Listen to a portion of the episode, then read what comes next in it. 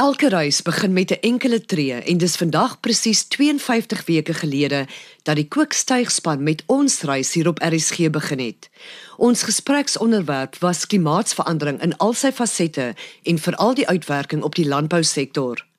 Ons het by sprekers van reg oor die spektrum wat internasionale deskundiges insluit gehoor hoe katastrofies die gevolge vir mens, dier en natuur is, maar ook hoe ons met beplanning en innovering die bil by die horings kan pak. Die kookstuig is 'n inisiatief deur die Wes-Kaapse Departement van Landbou onder leiding van die hoofdirekteur Navorsing en Tegnologieontwikkeling Dr Ilse Trautmann. 'n Groot dankie aan Pieter van Rein en professor Stephanie Midgley vir hulle waardevolle insette.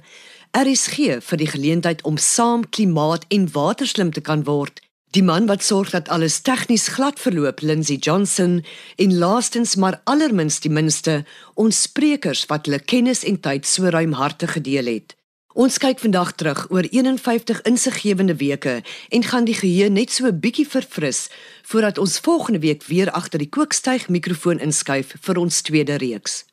Ons het begin by die begin. Wat is klimaatsverandering?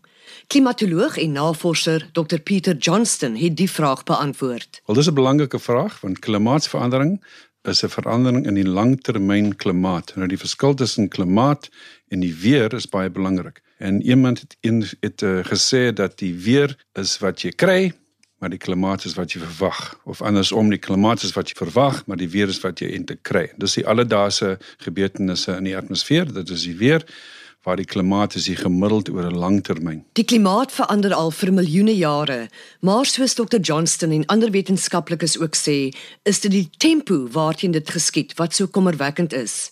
Die internasionale gemeenskap het 'n doelwit gestel om aardverwarming tot 1,5 grade Celsius te beperk. Ons weet Afrika en ook Suidelike Afrika is veral in die klimaatsverandering spervuur omdat dit reeds so droog en warm is. Suid-Afrika is die 30ste droogste land ter wêreld. 'n Voormalige spesiale wateradviseur vir die Wes-Kaapse regering, Andrei Roo, vertel wat ons te wagte kan wees. Ons het gewoond geraak die afgelope klompe jare om te aanvaar daar gaan altyd water wees. En ek dink die droogte wat ons in die afgelope paar jaar in verskillende dele van die land ervaar het, was net weer vir ons almal 'n um, tyd om mooi te dink daaroor en te besluit hoe wil ons ons toekoms sien? En ons sal net moet meer ekonomies werk met ons water en ook ander alternatiewe bronne ontgin wat ons in die verlede nog nie ontgin het nie. En hoe sien jy die toekoms? Dit hang af dit gaan verskil in die land. Ehm um, die vooruitskattinge van klimaatsverandering is dat die Wes-Kaap provinsie die provinsie is wat die meeste deur klimaatsverandering geraak gaan word. As jy 'n lyn trek omtrent van Oos-London om Port Elizabeth af op bo na na die noorde toe, aan die ooste kant van daai lyn gaan hulle waarskynlik meer reën kry in die toekoms en aan die weste kant van daai lyn minder waar, minder reën. En die uitdaging vir ons gaan wees dat ons waarskynlik meer droogtes gaan hê en meer vloede. So meer intense weerstelsels. Ons het in die reeks hoofsaaklik landbou sake gesels, want die bedryf is nie net 'n groot bron van inkomste vir Suid-Afrika nie, maar ook die lewensaar van voedselsekuriteit. Landbouekonoom Lou Pinaar sê hy stem saam met die wat glo landbou sal nie sommer deur wateruitdagings ondergekry word nie. Ek stem 100% saam daarmee en ek dink ook die droogte is 'n goeie teken vir ons gewees dat omdat boere baie taai en innoverend is, sien ons dat die impak van 'n so hoë persentasie waterbeperking nie so dramatiese impak op die produksie het nie. Nog steeds 'n groot impak, maar relatief kleiner as wat ons verwag het. En dit is maar net 'n 'n teken dat die bedryf is besig om te innoveer, tegnologie te gebruik wat dan ook die waterdoeltreffendheid van die water baie opstoot. Maar uh, ou moet ook sê oor die algemeen kan ons nog baie verbeter. Uh ek dink in verskeie bedrywe kan ons uh, regtig waar nog groot hoeveelhede water spaar en 'n krisis soos wat ons nou het forceer beide stedelike gebruik maar ook landbougebruik om te innoveer maar om te besef die kritiese belangrikheid van water as 'n inset. En vir landbou sien ons nou dat almal het 'n soort van 'n mind shift gemaak om te sê ehm um, water is nou kritiese hulpbron. Dis nie meer net 'n hulpbron wat ons verwag daar gaan wees nie. En so ja, ek stem saam daarmee. Wanneer dit by die landbousektor kom, speel tegnologie toenemend 'n groot rol om boere en produsente meer veerkragtig te maak. Dink maar aan satellietinligting, hommeltuie en dan is daar inisiatiewe soos Smart Agri en Fruitlook wat groot waarde toevoeg en gemoedsrus gee. Al hoe meer boere pas ook deesdae bewaringsboerdery toe. Soos Dr Ilse Trautmann verduidelik, moet boere opnuut na hulle praktyke kyk. Die boere moet baie bewus wees van hulle hulpbronne. Hoe lyk my grond, hoe lyk my water, hoe lyk my klimaat? En belangrik het ek 'n mark. Dit help tog nie jy gaan nou en en sit geld in 'n nuwe vertakking op jou plaas en jy het nie 'n mark nie. So is daar 'n plaaslike mark? Is daar 'n geleentheid om agri-prosesering op jou plaas te doen of is daar 'n geleentheid om, om selfs groter te gaan en 'n uitvoermark te betree? Boere het die laaste paar jaar weens die droogte swaar gekry en baie kon eenvoudig nie die waar deur die drif trek nie. Sakkie Rust van die Swartland distrik sê ondersteuning onder die boerderygemeenskap raak al hoe belangriker.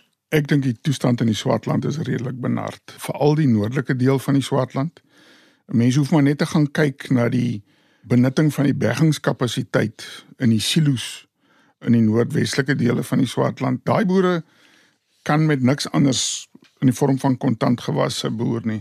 Ek persoonlik weet van verskeie mense waar dit beroerd gaan, waar mense hout kap en saag en verkoop aan vakansiegangers wat heuning bymekaar maak en daarmee probeer kontant bymekaar maak om van te lewe.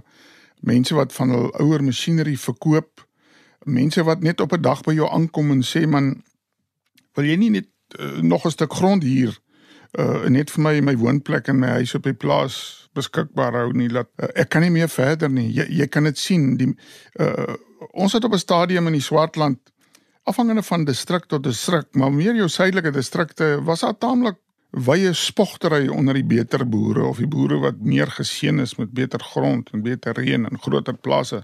Dis verby Jy sien dit meer nie. Die boere praat meer oor hulle swaar kry en dit help van die ouens deel dit met mekaar. Al die uitdagings om kweekhuisgasvrystellings te verminder, soos om indringerplante te verwyder, het egter ook tot werksgeleenthede en opheffing gelei.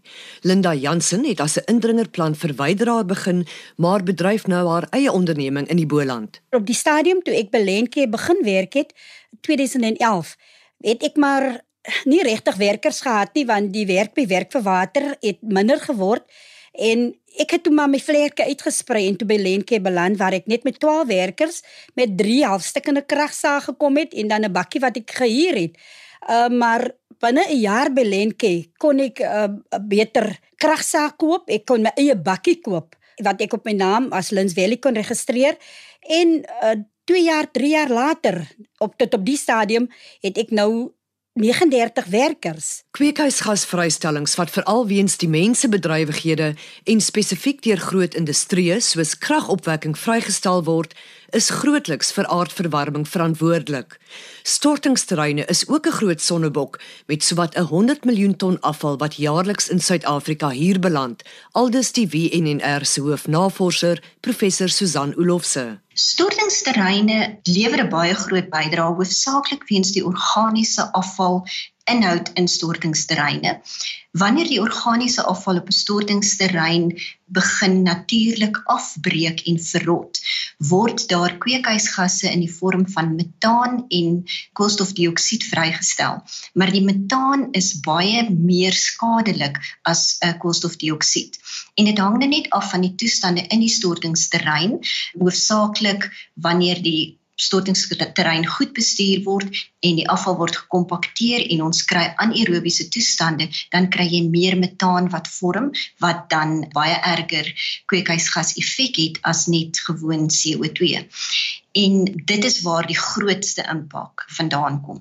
En dan moet ek ook noem dat tydens die afbraakproses is daar dan ook loog wat ontstaan wat 'n vloeistofvorm is waarin ander besoedelstowwe dan ook opgelos kan word en dit het dan weer 'n impak op die omgewing as die stortery nie 'n behoorlike belyner het nie. Dit staan voor die hand liggend dat herwinning, hergebruik en herverspreiding al hoe belangriker word en dit geld nie net vir groot industrieë nie.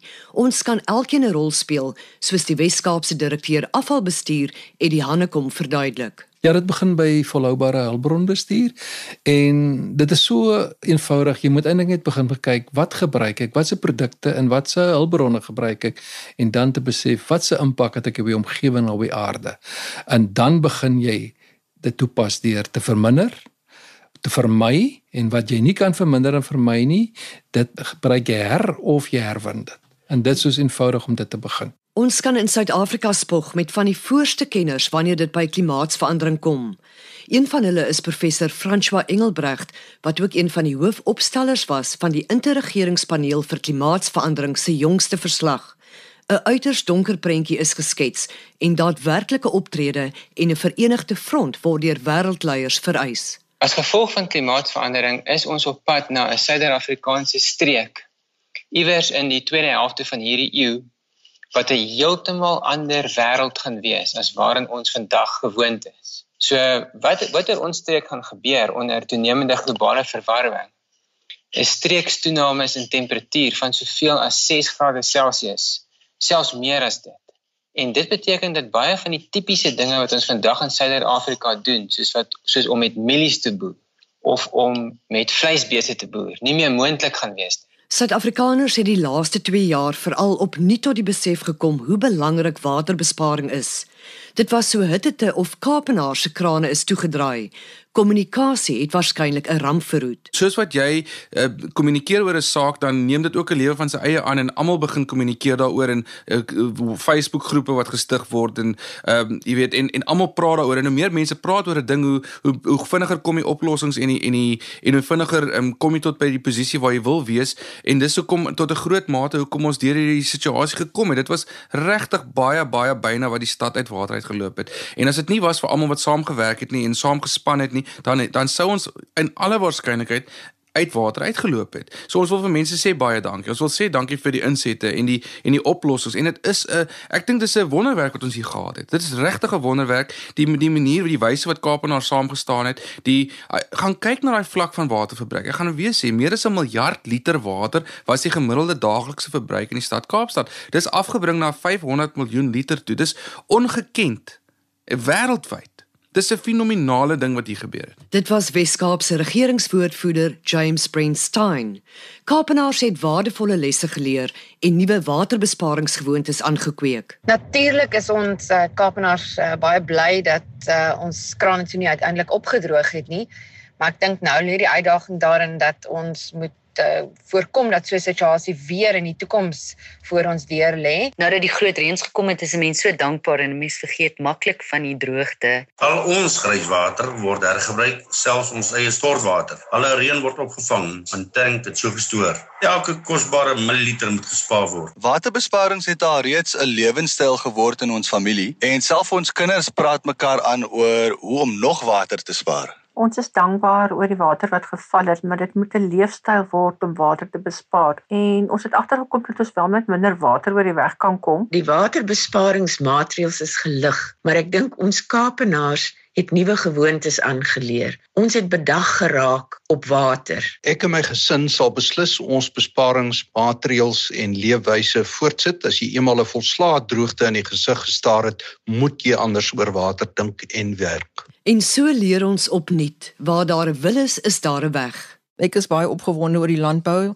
Ons het 'n fantastiese klomp mense en boere wat reeds planne maak en baie vinnig gereageer het op die droogte ook. Ons kan sien dat hulle gaan 'n verskil maak ook nou um, om om meer um, om aan te pas en die ons moet net seker maak dat hulle die regte ondersteuning kry. Beslis, ons boere het 'n wil om te oorleef. Ek dink die laaste 3 jaar se droogte het regtig vir ons die innovering en kreatiwiteit van ons boere gewys en ons moet nooit vergeet van boer maak 'n plan. Ons boere het planne gemaak. Met die positiewe boodskap deur professor Stephanie Midgley en Dr Troutman, twee vroue in die voorste linies in landbou se stryd teen klimaatsverandering, groet ons eers. Ons is egter volgende week terug met splinternuwe onderwerpe en sprekers hier op die Kookstuig. Namens die hele span, dankie vir die saamkuier en soos ouer gewoonte, onthou die aarde is kosbaar, kom ons bewaar dit.